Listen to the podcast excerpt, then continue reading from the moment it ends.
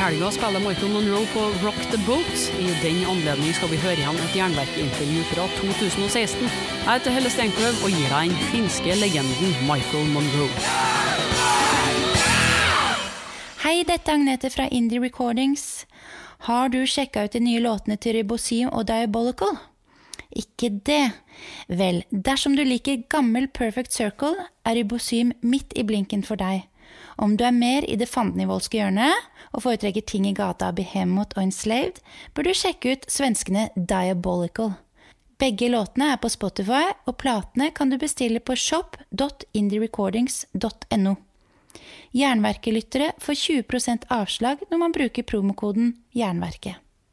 So long, suckers! Hello, this is Michael Monroe, and you're listening to Jernverket. Keep on rocking, dig it, baby. All right, stay cool.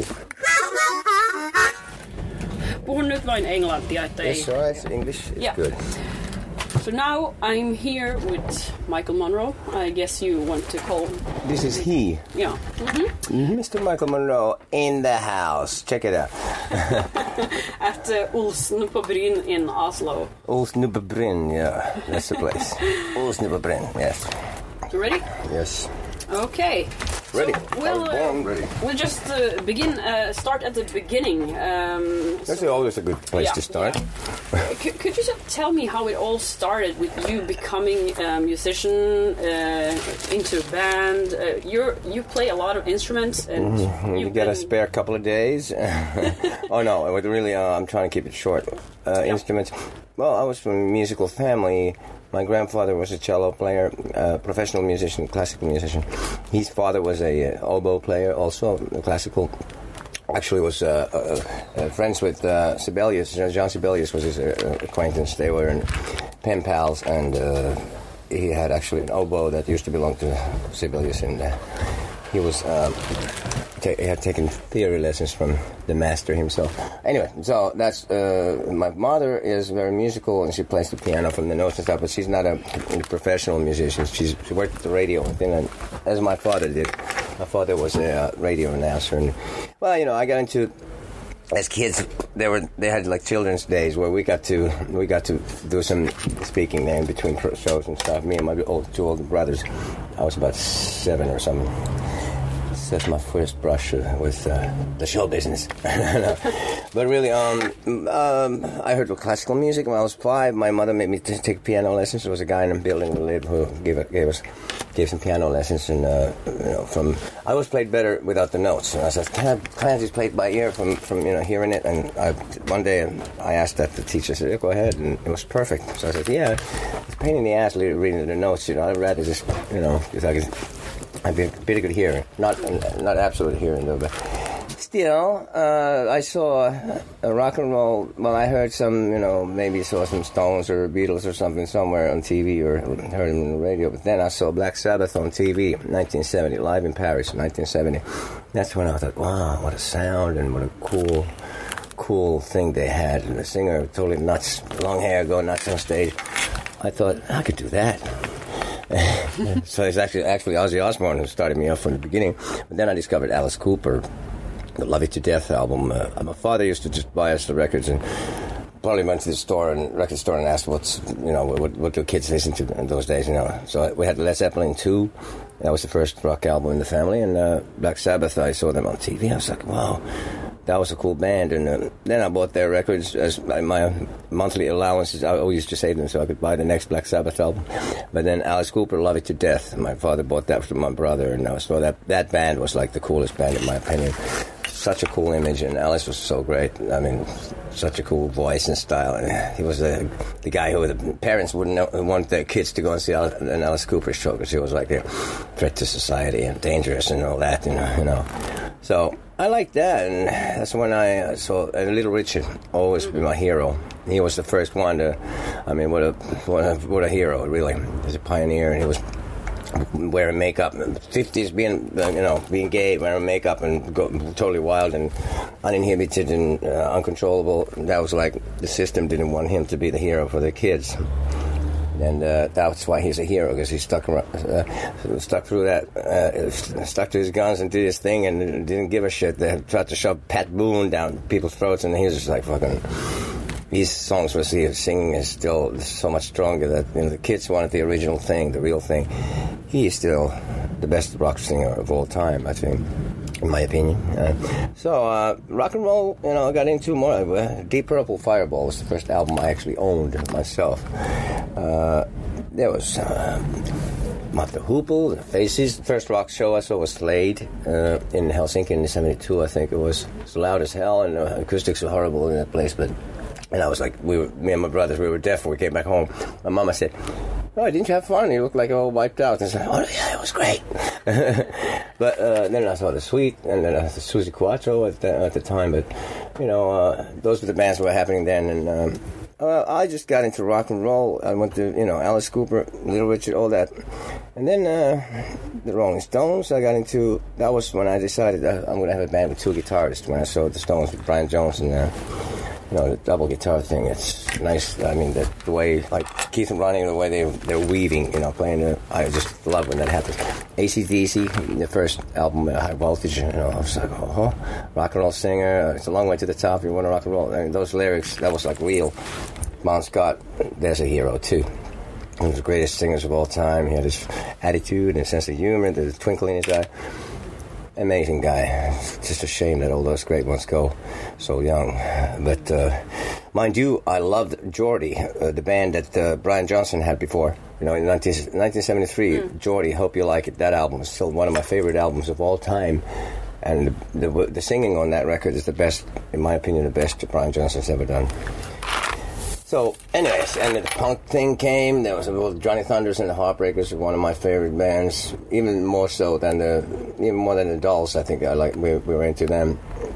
Uh, but the Dolls, of course, were great. Uh, punk bands, The Damned, uh, the Pistols. Uh, I got into the Ramones and some of the favorite bands that my favorite bands. I like all kinds of music. You know, punk punk band called uh, The Undisputed Truth but we discovered, me and Andy's uh, in a second-hand store, we found this record with this five black people uh, floating in space with black and white afros and silver suits, platform boots, and painted their faces silver with all this like it's really kind of makeup. Was, the album was called the, uh, the Undisputed Truth, and the name of the band, and Higher Than High. And it was the coolest. We bought it because of the cover. It's like this got to be something special. and it was so good. It's the best funk you know you can find and Norman Whitfield that produced it. He produced the Temptations, uh, Psychedelic Era, and all that. But um, yeah, music, uh, reggae. I love the Peter Tosh and Dennis Brown and uh, Bob Marley and uh, um, into uh, some obscure stuff. I mean, I like Patti Smith, the female singers. Uh, um, Marianne Faithfull's Broken English is one of my favorite albums. Also, um, Little Feat, the Sailing Shoes album. That's my favorite one of the greatest albums as a as an entirety. Roxy Music, Avalon. That's a that's like a as a whole is a great album. But I love their stuff uh, from that era also. And uh, oh gosh, there's so many. Huh? There's so much stuff. I, I, like music so much. There's so many bands to mention, uh, but. Uh, you came to form your own band because of all this. Yeah, Hanoi Rocks was my dream. My, you know, it's my family kind of. We grew up together with the, those guys in Hanoi Rocks. was a very special band. We had a special vibe and really our attitude was, and style was something that's never anybody's nobody's really come close to that kind of thing uh, since then. Even though there's a lot of attempts that uh, I've heard it said that uh, a bunch of bands tried to kind of take what we had and do something with it, but I think they missed most of them missed the point. I'm talking about the LA scene and the hair metal bands that I get blamed for. I get blamed for, and notice uh, the emphasis on the word blamed. I think if they were trying to copy Hanoi, then or trying to do what Hanoi was doing, I think they, most of them missed the point. But then again, there's a, good, a lot of good stuff that came out of that time. Also, like Guns, Guns N' Roses had the right attitude.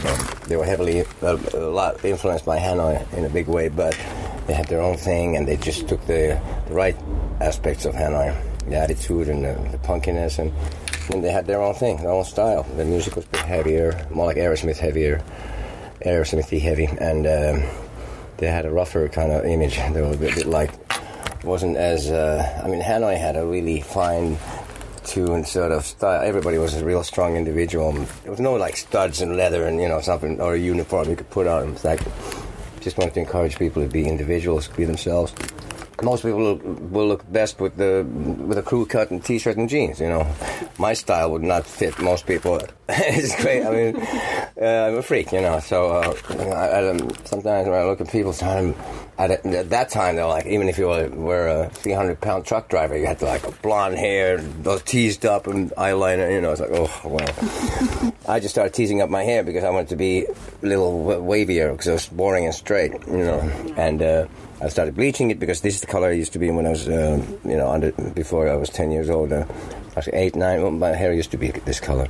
But then I, I don't tease my hair. I haven't done that for years, so I'll just spray it a little and make it like that. But at the time, back in the days when I didn't cut it, sometimes it became really big, like Johnny Thunders in the first first New York Dolls album cover. But uh, maybe that, you know, was big hair, but I never meant to have that. I like the best hair was Neil Smith, the drummer of the Alice Cooper band. He had hair down here, and it was like it was perfect. But I used to dye my hair. I used to have black on the bottom, almost down to my waist, and blonde on top, and you know all that kind of stuff. But yeah, Hanoi Rocks had a very special uh, thing about it. About it, and uh, there was a there was a family vibe, and we were young, and we grew up together. And when the drummer got killed in that horrible accident, and uh, it was just we weren't strong enough to keep it all together. We just went went to went to bits. Uh, my dream was shattered. Sami Yaffa left the band also, so not only did we lose our drummer, we had no bass player. Me and Andy and Nasty weren't just like uh, weren't connecting uh, in a, uh, strong enough to keep it going. So I wanted to just maintain the image, the integrity. That's what it's all about to me, and I wanted to maintain that reputation the band had for being, you know, uh, not not compromising and not not uh, going, not taking the easy way out, out to um, to make a make it big. Uh, we just did our own thing and went the hard way. And uh, so I wanted, I'd rather have the band break up than have it become a parody, a parody of itself, or have some people in the band who weren't really who didn't deserve to be in the band, you know, had the wrong attitude. So I'd rather than have it be put to rest. And uh, mm. so the same thing with my uh, solo career. I started doing uh, writing songs. Actually, I, I, always wanted to write, but then. Uh, in Hanoi, Andy McCoy always used to say, "Well, I got a better one here," and I said, "Okay." Well, I just kind of gave up on writing. But then again, I really came onto my own as a songwriter during my solo years, as uh, I started writing lyrics. That when I finally decided, okay, I'm going to continue as Michael Monroe and uh, to have something more to say than just some superficial blah blah blah blah. You know, I had, had to have some kind of a uh, some kind of content in the song in order for me to sing it convincingly, getting into it. And, I'd like I like to raise questions, you know, bring up some points that may be valid. Maybe, maybe people, maybe, maybe people think about some things, you know, because oh, wait a minute, I never thought of that before. Without being too political or anything, I've got no answers or advice for people. It's like uh, in life, for life in general. But I have some good points, I think, uh, edifying things to say in little lyrics, and that makes me feel like okay, I have a reason to be up there. I have something to offer, you know. So you're kind of a, now you can be a dictator over your own material, but when in Hanoi Rocks you had to compromise more between uh, all the guys. Uh, no, actually, I wouldn't. First of all, dictator is not the right word to use, but uh, I don't really dictate that much. Uh, I do actually give up everybody in my band, my current band, and in this solo thing, I give everyone a lot of space. I'm a band-oriented kind of guy, mm. so it's kind of ironic that this band is called Michael Monroe, but it's really a band situation. It's democracy, and uh, there's uh, everybody writes. I encourage them, everyone to write. I've done a couple of albums where I played everything except for the drums. I wrote all the songs, and I know it's what that's going to sound like. So I'd rather collaborate and have more input from other people, and then it's more exciting and it's better in the end. You know, you have different points of view, and there's some great great writers in this band. Steve Conte was especially a fantastic songwriter, and Rich Jones has got a great style of writing, and uh, you know he's in the band now, and he's after Ginger and Dregen, and the rest of the band's just being the same since 2010. So there's a lot of creative energy in the band. So I like that, that I like that situation better than uh, you know having to telling everybody what to do. It's boring, you know. And uh, I don't have much of an ego. I can say that uh, for a fact. I'm sure somebody's going, to say, yeah, right. Well, singers do often. Uh, some some singers act like jerks. I gotta tell you, oh, in business, in the in the music business, a lot of bands, uh, especially in the '80s, I was almost embarrassed to say I'm a rock singer because they acted like a bunch of phony idiots, you know, posing and being like, "Oh, we're so wild and wacky, sex, drugs, rock and roll, party hardy, dude." Oh, lucky they could play on the side. Most American rock musicians, so you ask them, "Why did you stop playing rock and roll?" Yeah, for chicks, for chicks to get girls. Oh, wow! So lucky you could play a little bit on the side there. That's incredible. I mean, I could not imagine. And there are all these groupies. I would never be with a groupie in my life, not ever. And I could never imagine being with a complete stranger intimately overnight and then never seeing them again. And maybe some stranger will have my baby. Like, I fuck that shit. Excuse my English. Screw that. And so I would not uh, do that ever in my. And mm, I guess I'm an exception to the norm, or the, if you're a stereotype singer. But you can't I cannot be stereotyped. Mhm.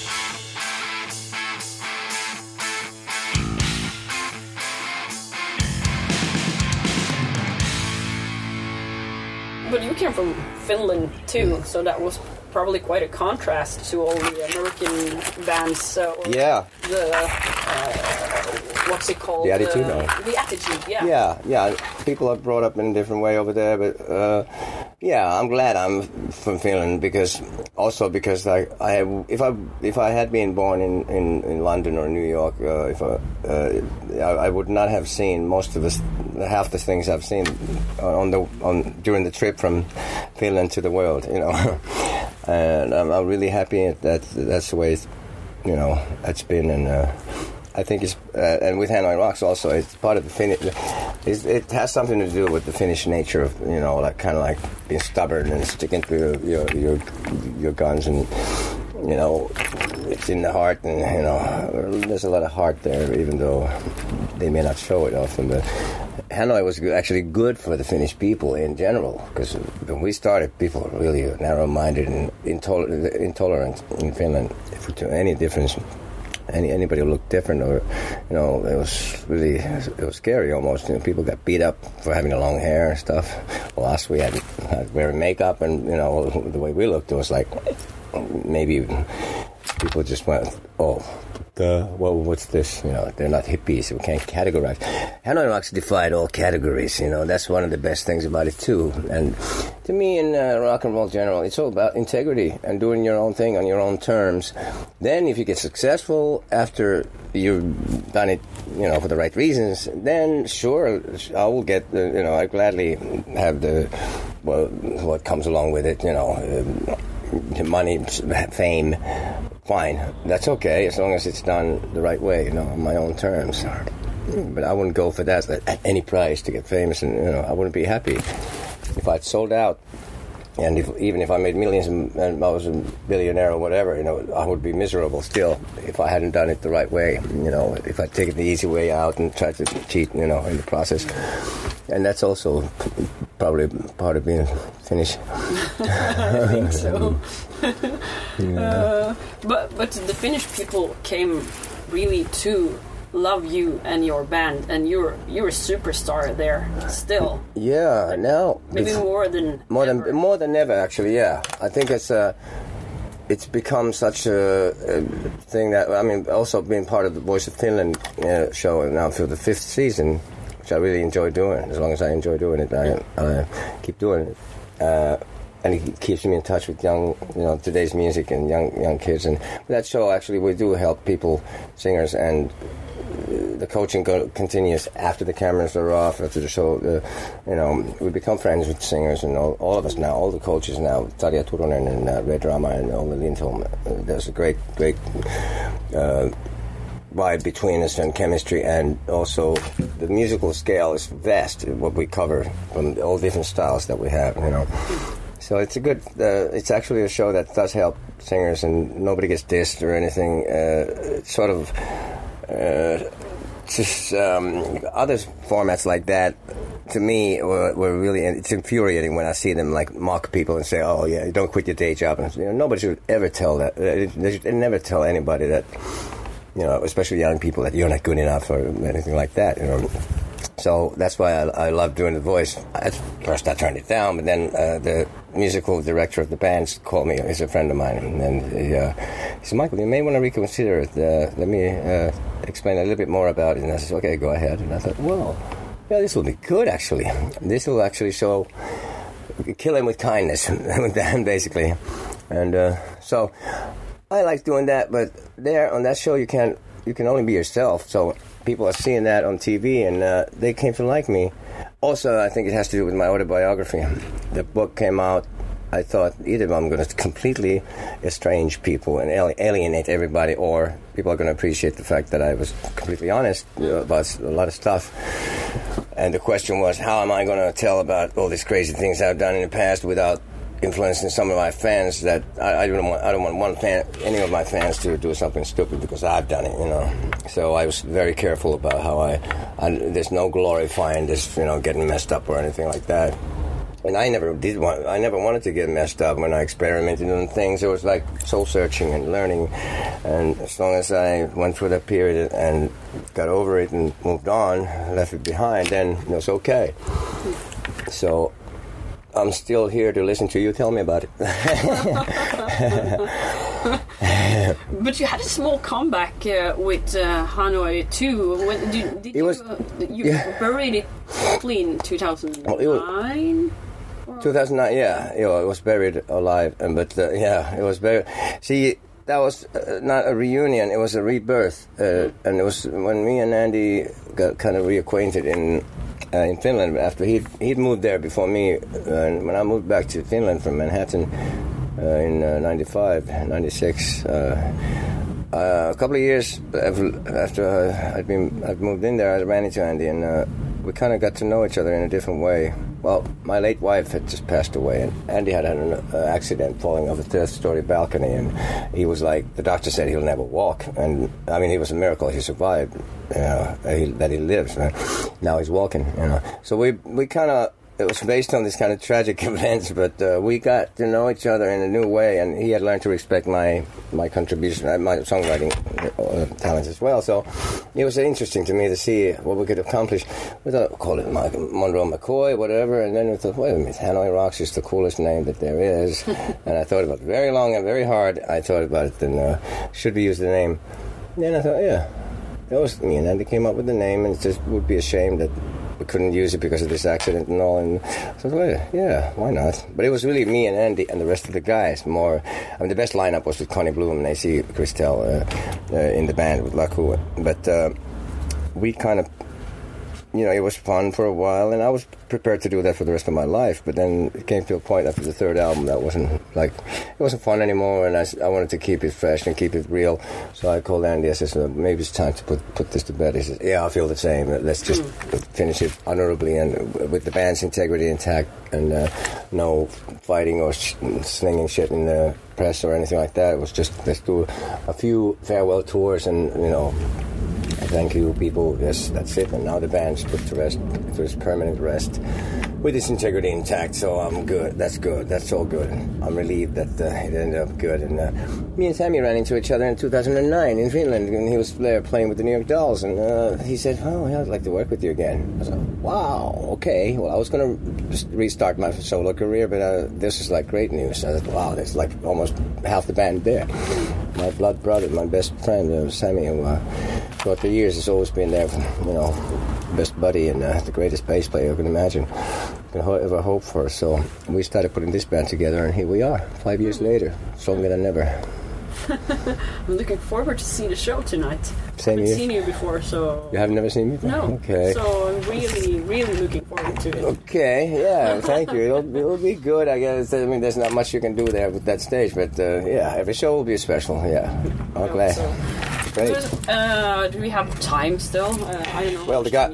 Yeah, the, uh, not really uh, much, but uh, this if we wind down. I mean, was was that the main question? I mean, that. Was, um, I just let you talk because yeah. I, I, think it's more important that you talk. Than yeah, yeah. that was the story it. in a nutshell. My yeah. career, basically. So. you told me the whole career in twenty minutes. That's right. Right. and do you? Uh, uh, have any really good like uh, stories you could share with the listeners, like a, a crazy one or a funny one or a good? one? Uh, I can let, leave that to other bands. Uh, or ask someone like some of those hair metal bands. They'll tell you all about that. but crazy stuff. I would never do anything stupid like smash up a hotel room or stuff like that because you have to pay for it anyways. But funny, funny stuff do happen when you're on tour. Oh yeah, all kinds of funny stuff happened, But uh, uh, we gotta. Yeah, is, is that the next interview? Okay, Oh, cool. okay, then yeah, we we're winding down. We're winding Uh, down. Last yeah, question. yeah. then- so funny stuff. Uh, But uh, then, then we have to choose the songs, the ten songs. all right. Yes. important. Yeah. Give me a minute on that. Uh, uh, funny stuff. I can't think of anything right now. Um, There's a book about Hanoi Rocks that I'm just reading. So It's going to be in English. Uh, it's, it's going to be out in uh, that book that came out in Finnish in 2009. It's going to be out in the world in English. I should re- read the Finnish version to Yeah, yeah. Well, fi- read my read my uh, autobiography. my- to fix my Finnish uh, language. Yeah, well, read, read my autobiography, the updated version. Yeah. I'll give you the ten songs. Hang on, let's. Uh, Yeah. And uh, and then I'll uh, make you do a jingle for the show. And Okay, first song. photo. Okay, first song is uh, a jingle and photo. Okay, uh, where's the person? Are you comfortable there? Good. you can hang on for a, couple of more minutes. Thank you. Please, thanks. Uh, band called Virgin, the Virgin Marys.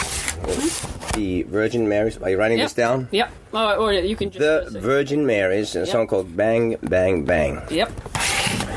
And what else? This. Uh, da, you? Uh, you probably won't find this. Stiv Bators. Um, uh, this is the. Uh, uh, well, yeah, people know ACDC so much. Um, let's see. The Brian Johnson stuff. Is it Geordie? Yeah, it is. Keep on rocking.